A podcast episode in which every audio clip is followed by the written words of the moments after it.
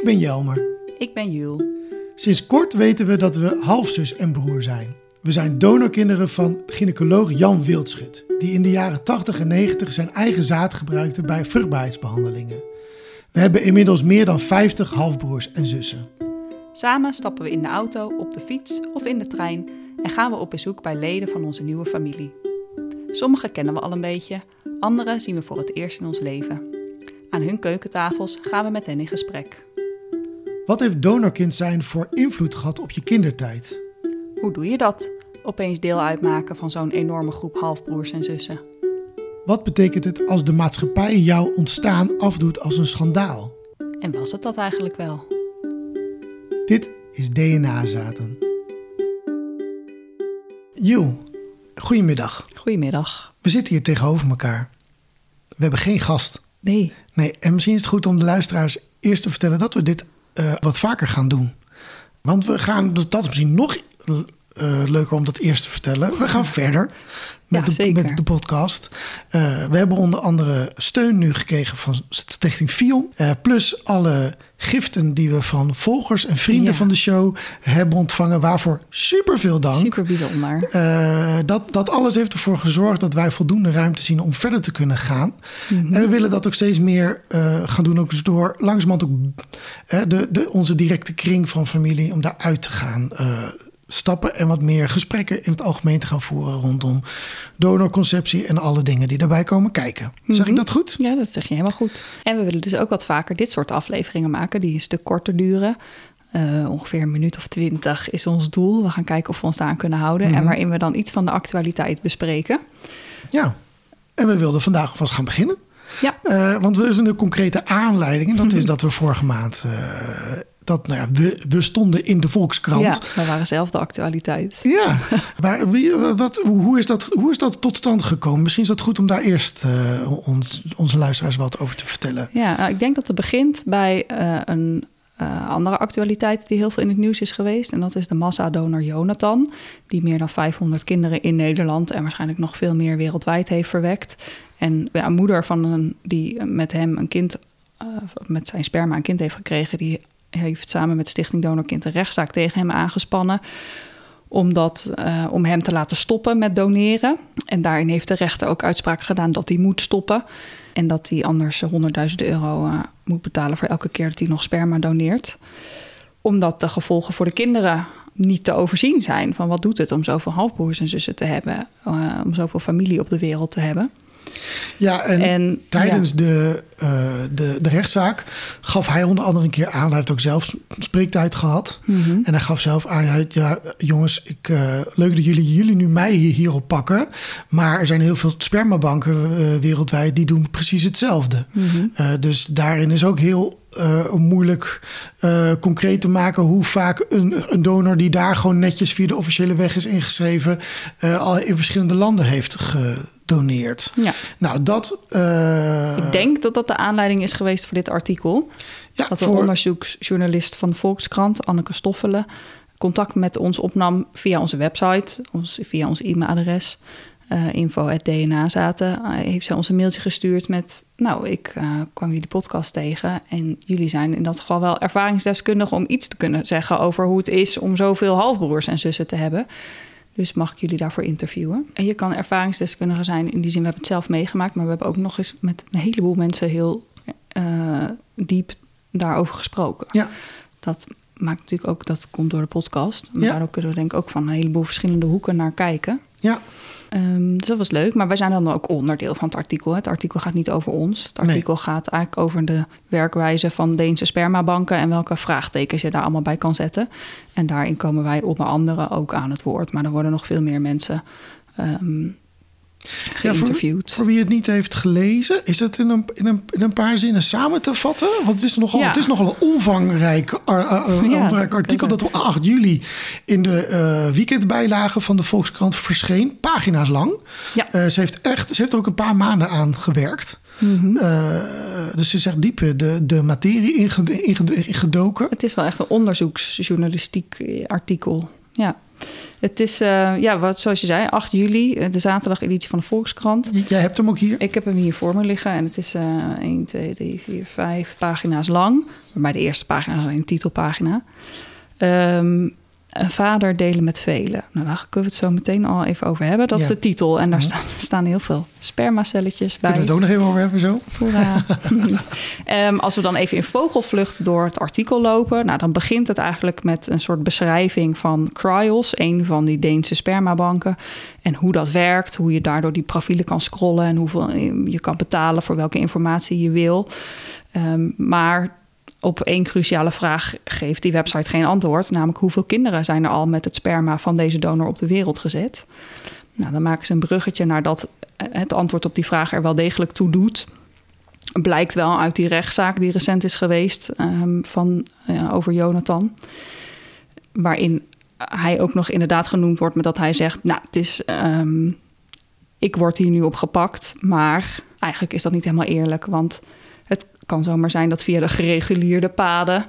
Gereguleerde? Via de gereguleerde, reguliere, reguliere paden. Of de gereguleerde, ja, weet het klopt. Ja. via de reguliere paden.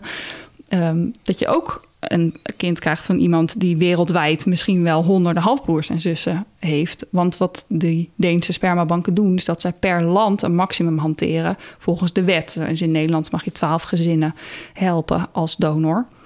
Ehm, maar in Duitsland, ja, ik weet die getallen niet aan mijn hoofd. Maar stel je voor, in Duitsland zijn dat er 25 en in België uh, eh, 20 en in Engeland 30. Ja, eh, tel maar op, dan kan je alleen al in Europa al honderden halfbroers en zussen hebben. En zij uh, verschepen hun sperma over de hele wereld. Ja. Dus dat is in principe eindeloos. Ja.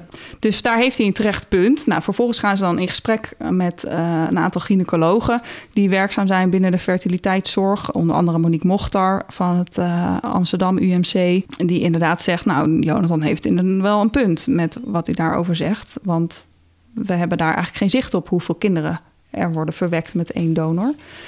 Dan gaat ze ook nog uh, navragen bij de spermabanken zelf. Dus bij de ESB, de European Sperm Bank, die zit in uh, Denemarken. En bij Cryos, die zit ook in Denemarken. En eigenlijk willen zij er niet zoveel over kwijt. Dat is uh, de korte samenvatting van die paragraaf. Het is wel interessant dat er nu eens een keertje iemand is geweest die heeft geprobeerd echt uitvoerig uh, een vinger te krijgen achter de, de werkwijze van die, van ja. die spermabanken. Het is altijd al een beetje, tenminste, ik heb er altijd al een beetje schimmig gevoel bij. En dat hebben wel, wel meer mensen. Maar zij heeft echt geprobeerd om eens aan alle kanten nou duidelijkheid te krijgen, met mm. mensen in gesprek te kunnen, uh, informatie op te vragen. En dan blijkt ze dus best wel vaak tegen een ja, niet transparante mm, ja, absoluut. organisatie aan te lopen. Ja. Nou ja, en dan komt eigenlijk het bruggetje naar ons verhaal. Van, goh, is dat dan, is dat dan erg om heel veel halfbroers en zussen te hebben? Ja, weten we niet. Dus praat ze met ons en kunnen wij daar wat over vertellen... hoe wij dat hebben ervaren. En dan grijpt ze vervolgens nog weer even terug op het beleid eh, over de politiek. Of die hier wetten voor in de maak eh, heeft of niet. Of de klinieken zelf um, vinden of ze wel of niet gebruik moeten maken van die Deense spermabanken. En dan uiteindelijk nou ja, komt daar een soort conclusie in de laatste alinea. Daar gaan we zo nog wat verder op in, want daar valt wat een en ander over te zeggen. Zoals in Vogelvlucht eigenlijk het artikel. Ja, zeer, zeer de, de, moeite waard om Ja, dat, het is echt uh, een goed lezen. artikel. Ze is er echt goed ingedoken. Um, genuanceerd, volledig. Um, het geeft denk ik een heel mooi beeld van het gebruik van Deense spermabanken. Ja. Dan de titel. Een vader delen met velen. Ja. Mooi allitererende titel. Precies. Uh, Daarom zullen ze hier wel voor gekozen hebben. Ja. Een donor delen met duizenden ja. had ook gekund. maar een vader, vader heeft natuurlijk ook nog een soort emotionele lading om dat te lezen. Vader delen met velen. Ik denk dat ja, ze... mensen die hier niks van weten... dan denken, oh wat erg als je vader met heel veel mensen moet delen. Omdat zij zelf hun vader hebben ze een heel emotionele band mee. Maar de donor is dat natuurlijk vaak anders. Ja, wel mooi. Jij bent van ons twee altijd degene die social media ook volgt... en die de reacties ook op, uh, op dit soort dingen leest. Je had gezien dat uh, uh, op de, de Instagram van de Volkskrant... waar dit artikel ook op... of tenminste waar een, een foto op verscheen, dat ook weer naar dit, dat artikel verwees. Dat daar ook reacties op binnenkwamen. Dan ging het ook weer over dat woord, hè? Vader. Ja, ja er zijn een aantal reacties. De kinderen delen geen vader met velen. Ze delen, ze delen een donor met velen. Oh ja. Zegt iemand. En iemand anders zegt: Je deelt geen vader, maar een donor. Oude figuren zoek je hopelijk dichter bij huis. Ja, fascinerend hoe mensen dus heel snel uh, een soort talige oordeel kunnen hebben. Uh, Zo mag je het wel noemen, zo mag je het niet noemen. Ja, en ik denk dat dat ook de emotie is die, zo die het woord vader bij mensen losmaakt. Ja. Um, maar wat mij een beetje tegen de borst uit is dat iemand anders hierin wil bepalen hoe ik wel of niet over mijn biologische vader mag praten. Hoe ik hem wel of niet mag of moet noemen. Ja. Um, kijk, ik snap voor de algehele discussie is het verwarrend als je het woord vader en donor door elkaar gebruikt. Of biologische vader of opvoedvader is in die zin dan wat verhelderender. Dus ik kan me best voorstellen als je denkt, nou, je hebt het over een spermadonor, noem hem dan in de discussie gewoon donor en niet vader. Daar kan ik me eigenlijk wel in vinden. Dat is gewoon, denk ik, voor iedereen dan duidelijk waar hebben we het over. Ja. Maar hoe jij als donorkind je um, biologische vader wel of niet wil noemen, ja, daar mag je toch helemaal zelf vrij in zijn, wat mij betreft. Ja, ja, Misschien is de band met je vader, je opvoedvader, heel slecht. En dan kies je ervoor om je biologische vader je vader te noemen. Of misschien denk je, ja, voor mij blijft hij een donor, een man op afstand en ik heb er verder niks mee. Ja, prima, be my guest. Noem, noem het zo als je het wil. Nu we het hier toch over hebben, heb je nog meer in de, de diepe krochten eh, van het social media gebeuren uh, meegekregen? nou, het meeste is vooral heel leeghoofdig. ah, doe eens een paar. Nou, het zijn vooral heel veel flauwe grapjes. De beschuit met muisjes komen mijn strot weer uit. Oh. Um, Douwe Bob, kom er maar in. Oh ja, die vond ik heel creatief. Ja. Wanneer je kinderwens veel te ver gaat. Waarom willen mensen dit in godsnaam? Alsof je hier van tevoren niet over hebt nagedacht. Incest, punt. iemand ook nog. En iemand vraagt in welke bioscoop Sound of Freedom wordt vertoond. Als reactie op dit artikel.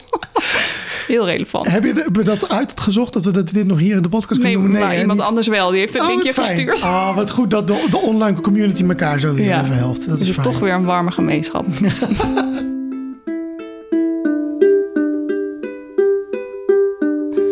Oké, ehm, dan misschien nog even als we het toch hebben over de titel die groot op de voorkant stond. Op de, de voorkant van het artikel, hm. uh, zeg maar de, de, de, de voorkant van de weekendbijlage. Was het ook de voorkant van de weekendbijlage? Nee, de voorkant.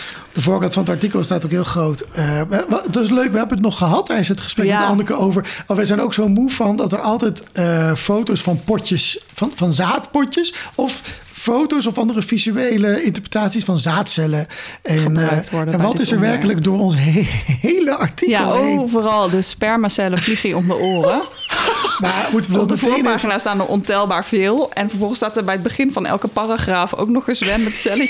Ja, het is echt vreselijk. Maar we moeten er wel bij zeggen dat we meteen dezelfde dag al van, van Anneke een bericht kregen van ja, sorry, ik had dit, dit ook niet in de hand gehad. Dit hebben ze bij de redactie ja, gedaan. Ja, dat ze altijd wel nog doorgegeven, zei ze erbij. Dat we liever niet meer de clichés dus, met spermacellen willen. Daar wel, we kunnen daar wel om lachen.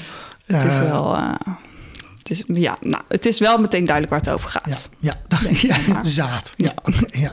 heel helder. Het was interessant dat ze wel uh, wat mensen van Cryos heeft gesproken. Mm -hmm. uh, onder andere de directeur van die spermabank, die Deense spermabank. Ja. Um, die had een interessante, interessante uitspraken. Ja, um, dat gaat over wat dan de gevolgen zijn want eh, ze zeggen aan de ene kant zeggen ze ja, dat is inderdaad wel een heel goed punt. En dan moeten we ook gaan verlagen het aantal kinderen per donor. Aan de andere kant is dat natuurlijk helemaal niet in hun commerciële belang. Want hoe meer zaad zij kunnen verkopen, ja, hoe beter hun bedrijf uh, draait. Ja. Want zij verdienen in principe geld aan de kinderwens van mensen. Ja. Um, maar goed, dan ja, laten we wel een beetje doorscheen van... oh ja, belang van het kind is eigenlijk ook wel belangrijk... dus daar willen we wel wat aan gaan doen. Maar ze worden nooit echt concreet over... wat worden dan die maximum aantallen... en hoe gaan we dat dan handhaven. Dus het is ook een beetje... nou, mooie praatjes, maar ze vullen nog geen gaatjes. Uh ja, hij verschilt zich dus een beetje achter de internationale wetgeving, die daar nog niet over bestaat. Uh, daar zouden zij wel voorstander van zijn. Als die internationale wetgeving er is, nou, dan gaan we ons daar aan houden. Ja. ja dat is lekker makkelijk. Ja, je kan ook zelf bedenken wat de juiste manier is van te werk gaan. Ja, ja. Maar goed, en vervolgens uh, geeft hij nog. Um, kijk, de, de rechter in de zaak tegen massadonor Jonathan, die ziet voor de donorkinderen een reële kans op schade. Maar um, dit is even een quote uit het artikel. De Cryos-directeur waagt dat te betwijfelen. Voor zover wij weten is er geen onderzoek dat die aanname ondersteunt. Ieder individu zal anders op zo'n situatie reageren. Voor sommigen is het misschien al verontrustend te weten dat je enkele genetische halfbroers of zussen hebt, terwijl anderen er niet door geraakt worden, zelfs als het er vele malen meer zijn. Oftewel, er is nog geen onderzoek waaruit blijkt dat het erg is. Dus kunnen we nog zo doorgaan. Ja, terwijl je natuurlijk. Ja, dan kan je de komende 30 jaar nog zo doorgaan. Want dat duurt een poos voordat dat onderzoek klaar is. Voordat je volwassen donorkinderen uh, van Jonathan bijvoorbeeld kan gaan vragen: hoe is dit nou allemaal voor jou? Wat is de impact op je leven? Ja. überhaupt heel moeilijk te onderzoeken, denk ik. Want ook wij functioneren allemaal prima. We hebben allemaal een baan, een huis, uh, een sociaal leven en noem maar op. We komen goed mee in de maatschappij. Maar je kan er wel heel erg mee worstelen. Je kan er zelf wel onder lijden. En dat is niet altijd in dat soort getallen te vangen. Dat, het is een beetje een dooddoener. Ja. Uh, en, en, en, en volgens mij is de ruimte die wordt genomen om ons aan het woord te laten in dat artikel, is daar eigenlijk meteen een antwoord op. Precies, dat onderzoek is er niet. Maar er zijn inmiddels wel volwassen donorkinderen die ook heel veel halfbroers en zussen hebben, die er wel iets over kunnen vertellen. Van hoe is dat dan? Ja. Nou ja, hoe dat dan is, dat hoeven we misschien niet samen te vatten uit dit artikel. Want dat weet je als je naar onze podcast, luistert. Ja, precies. Ja. Dus daar kunnen we je beter dat voor adviseren, denk ik. Wat wel nog mooi was, uh, ze heeft uh, ook uh, contact gehad met, met de mensen achter donorconceptie.nl. Ja, dat is een overheidswebsite waar je allerlei informatie kan vinden als wensouder of als donorkind of als donor zelf. Wat best wel interessant is, dat zij best wel expliciet op hun website uh, hier een standpunt over hebben staan. Mag ik dat zo, zo zeggen? Mm. Ja, ze noemt het in het artikel. De website van donorconceptie.nl, een voorlichtingssite van de overheid, stelt het opvallend scherp. Het gebruik van een buitenlandse spermabank heeft voordelen voor de wensouders, maar de nadelen zijn voor het toekomstige kind. Voordelen is namelijk dat je zelf kan kiezen wie de donor is en dat het snel, sneller gaat dan uh, op een andere manier. Goed, de nadelen zijn de ontelbare halfbroers en zussen en het niet contact hebben met je biologische vader. Vervolgens gaat, ze, gaat het artikel nog in op een aantal klinieken die. Uh, oh ja, nee, op de politiek. Minister Ernst Kuipers die zegt: ja, op wat spermabanken in andere landen uitspoken, daar heb ik geen invloed op. Oftewel, ik kan hier ook niks mee in Nederland. Maar hij wil dan wel aandringen op een Europese register waarin wordt bijgehouden hoeveel kinderen er zijn. Maar dat je, ziet, je ziet, niet, maar je ziet iets schuiven. Je ziet volgens mij iets schuiven in hoe er ook vanuit de politiek hier naar wordt, ge, wordt gekeken. Want niet al te lang na dit artikel, volgens mij, uh, kwam wel de, de, de, de, ja, de, de oproep van Nederlandse gynaecologen aan buitenlanders. Dit kwam één dag voor dit artikel. Oh, ja. één dag zo, de, de, ervoor. Ja. Wat, wat, wat was dat precies? Want dat zit niet meer in dit... Uh... Nee, de NVOG, de Nederlandse Vereniging van Obstetrie en Gynaecologie... Uh, die hebben een statement uh, gemaakt naar de Deense spermabanken... waarin ze hun oproepen om een maximum aantal uh, kinderen per spermadonor te gaan hanteren. Ja. Omdat zij het dus eigenlijk niet oké vinden dus ook voor het eerst hè, dat er vanuit de beroepsgroep zo duidelijk een, een, standpunt ingenomen wordt. Dus het is een begin. Kantelt er wel iets. Ja, het is nog geen wet. Er, nog, er is nog niks vastgelegd in wetten. Uh, worden, maar maar dat is een kwestie van tijd, denk ik. Dat gaat natuurlijk gewoon komen. Want dit is... Wat we een beetje misten of nou ja, het was misschien niet de ruimte voor hoor. Maar een vraag die bij ons nog wel blijft hangen is: hè, er wordt uitgebreid stilgestaan bij de nadelige effecten van werkwijze van de internationale spermabanken zoals die nu zijn. Uh, maar er wordt niet zo heel veel stilgestaan bij: ja, maar hoe kan het dan wel? Hoe kun je dit op een mooie, ja, zorgvuldige manier wel doen? Het, ehm, het, gaat vooral over wat er mis is met deze manier. Maar het biedt niet echt een alternatief. Ik kan me voorstellen als je wensouder bent en je leest het, dat je denkt, ja, maar nou wordt nou? me iets afgeraden, maar, maar wat moet ik dan wel doen? Ja, precies. Nou, zijn wij ook niet de juiste persoon om je te vertellen wat je moet doen. Nee, we hoeven inderdaad geen tips daarin te geven, maar wel erbij stilstaan met elkaar dat het belangrijk is om, om ruimte te geven ook aan de positieve, mooie verhalen die er zijn. Bijvoorbeeld van gezinnen die hmm. eh, met een contactdonor zijn begonnen. Eh, ja. Uh, in, in, in het, het waarbij in het leven van het kind de, de, de donorvader, de biologische vader, hoe je het dan ook wil noemen, hmm. een actieve rol speelt. En dat dat heel liefdevol en zorgvuldig kan. Ja. Het zou alleen zo mooi zijn als het wat meer beschikbaar komt ook. Dus het zou zo mooi zijn als misschien in de toekomst nog eens, weet ik veel, een landelijke campagne wordt, wordt, wordt gestart of zo. Om mensen op te roepen. Ga het gesprek met elkaar aan. Uh, kijk eens wat je voor elkaar kan betekenen hierin als zichtbare contactdonor. Mm -hmm. uh, zodat mensen niet meer de stap hoeven te zetten. Ja. Want mensen, mensen doen het natuurlijk ook omdat ze intense kinderwensen hebben en het anders te laat is als je ja. op de wachtlijst komt uh, staan. Uh, dus dat is het frustrerende. Ja, dat denk ik ook. Dat had wel iets toegevoegd aan dit artikel. Tot slot, we struikelden ook een beetje over de laatste, laatste alinea hè, van het artikel. Is dat misschien een idee om die nog even voor te ja, lezen? Ja, die voorlezen? Ja, in de laatste paragraaf worden een aantal gynaecologen eh, gehoord die hun overwegingen om wel of niet met de Deense zaad te werken verder benadrukken. Ja, zal ik hem gewoon helemaal voorlezen? Ja, doe maar. In tegenstelling tot Rijnstaat en het Amsterdam UMC willen de meeste Nederlandse vruchtbaarheidsklinieken vrouwen een behandeling met buitenlands donorzaad niet onthouden, ondanks de nadelen. Het belangrijkste argument: ze besparen wensouders graag ongewenste kinderloosheid. Als je alleen met eigen Nederlandse donoren werkt, ontstaat er zo een wachtlijst van drie jaar, zegt gynaecoloog Jacqueline Pieters van MC Kinderwens in Leidendorp. Sommige vrouwen zijn al op een leeftijd dat het dan te laat is. Mochtar, die in haar eigen kliniek dus niet met buitenlands zaad werkt, benadrukt dat ze dit wel een dilemma vindt. Het verdriet van ongewilde kinderloosheid wordt in ons vakgebied steeds meer beschouwd als een chronische aandoening. Het is geen tijdelijk leed in de leeftijdsfase dat je kinderen had hopen te krijgen, maar een levenslang gemis dat doorwerkt tot in het bejaardentehuis, waar anderen bezoek krijgen van hun kleinkinderen en jij niet. Medisch directeur Marieke Schonenberg van Nijgeertgen erkent dat de route via Deense spermabanken niet ideaal is, maar ziet weinig andere mogelijkheden. Het alternatief is dat je tegen een patiënt zegt: Als je zelf geen donor kunt vinden, zul je moeten accepteren dat je geen kinderen krijgt. Zou dat inderdaad niet de consequentie moeten zijn als je uitgaat van het belang van het donorkind? Schonenberg, dan werp ik tegen. Een kind kan in zijn leven met veel moeilijkheden worden geconfronteerd. Opgroeien met het idee dat je een onbekend aantal halfbroers en zussen hebt is misschien niet ideaal, maar opgroeien bij een alcoholverslaafde ouder is dat ook niet.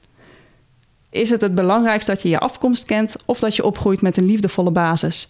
Ik heb het antwoord op deze vraag ook niet, maar het is een feit dat je niet alle problemen kunt voorkomen. Ja, de, ja, ik moet hiervan zuchten. Ja, het, de alinea begint mooi in die zin. Dat helder wordt neergezet wat de, de afweging nou, nou is. Ja, er zijn ehm, twee belangen met elkaar in strijd. En dat is ook moeilijk om daar een goede afweging in te maken. En welke laat je dan winnen. Ja. Maar om dan te zeggen...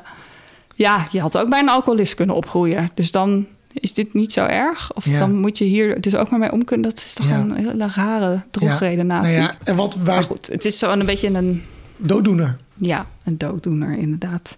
Ja, dat is waar. En tegelijkertijd zegt zij ook: Het is een vraag. Ik heb het, heb het eh, antwoord niet. Ik zie ook dat ze, ze probeert het ook heel genuanceerd te, te brengen. Dat viel mij sowieso op in heel veel van de mensen die worden mm gesproken. Aan, aan nuance geen gebrek.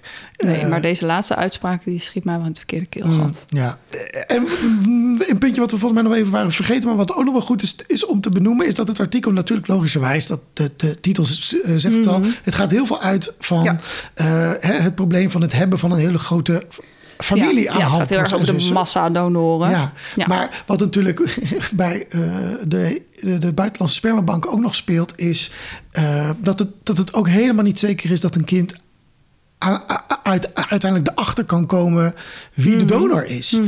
Eh, dus het, en als je erachter komt, ja, dan komt hij misschien uit het buitenland. Dus dan spreek je een andere taal. En hoe is het heel ver reizen om daar naartoe te gaan? Hoe bouw je dan een band op? Het hele idee van je afkomst niet weten of niet.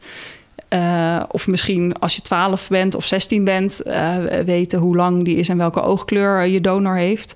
Maar dat, dan heb je nog steeds niet dat je tijdens Ehm, dat je opgroeit kan spiegelen aan degene waar je van afstamt. Dat mis je nog steeds als donorkind. Ja. En, en bij dat hele stuk van donorkind zijn wordt in dit artikel eigenlijk niet eens bij stilstaan. Dit gaat alleen maar over het hebben van heel veel halfbroers en zussen. En dat dat uh, heftig is. Wat niet wil zeggen dat het niet goed is. Nogmaals, er zijn pagina's aan, aangevuld en die zijn super interessant. Ja, het geeft alleen maar aan hoe... Precies, hoe complex het hele onderwerp eigenlijk is. Precies. Hoeveel meer pagina's je hier nog aan kan wijden. Of hoeveel meer podcasts.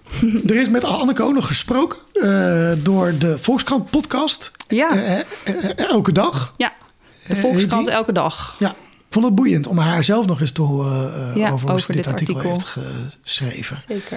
Nou, nou ik heb de krant weer opgevouwen. Tot zover deze actualiteitsaflevering. kort maar krachtig. Ja, wij zijn eigenlijk best wel benieuwd wat jullie hiervan vinden. En als, we dat, als je denkt, ja leuk, doe het vaker. Uh, heb je dan ook nog ideeën waar we het over zouden kunnen hebben? Ja, kom maar met verzoekjes. Actualiteiten of andere thema's die de moeite waard zijn om eens even dieper op in te gaan. Ja. En uh, we gaan natuurlijk ook weer gewoon uh, met gasten uitgebreid in gesprekken. Dus die komen ook gewoon. Zeker, maar zeker. tussendoor willen we iets vaker dit doen. Dus uh, laat ons weten wat je graag zou willen horen. Yes. Oké, okay, tot, tot, de volgende, volgende. keer. Joe. Joe. Dit was DNA Zaten, een podcast van Jelmer en Jules. Wil je ons steunen? Ga dan naar vriendvandeshow.nl slash dnazaten. Je kunt ons ook volgen. Kijk dan op Instagram, dnazaten. Heb je behoefte aan meer informatie? Kijk dan op de websites van FIOM, Stichting Donorkind en het landelijk informatiepunt Donorconceptie.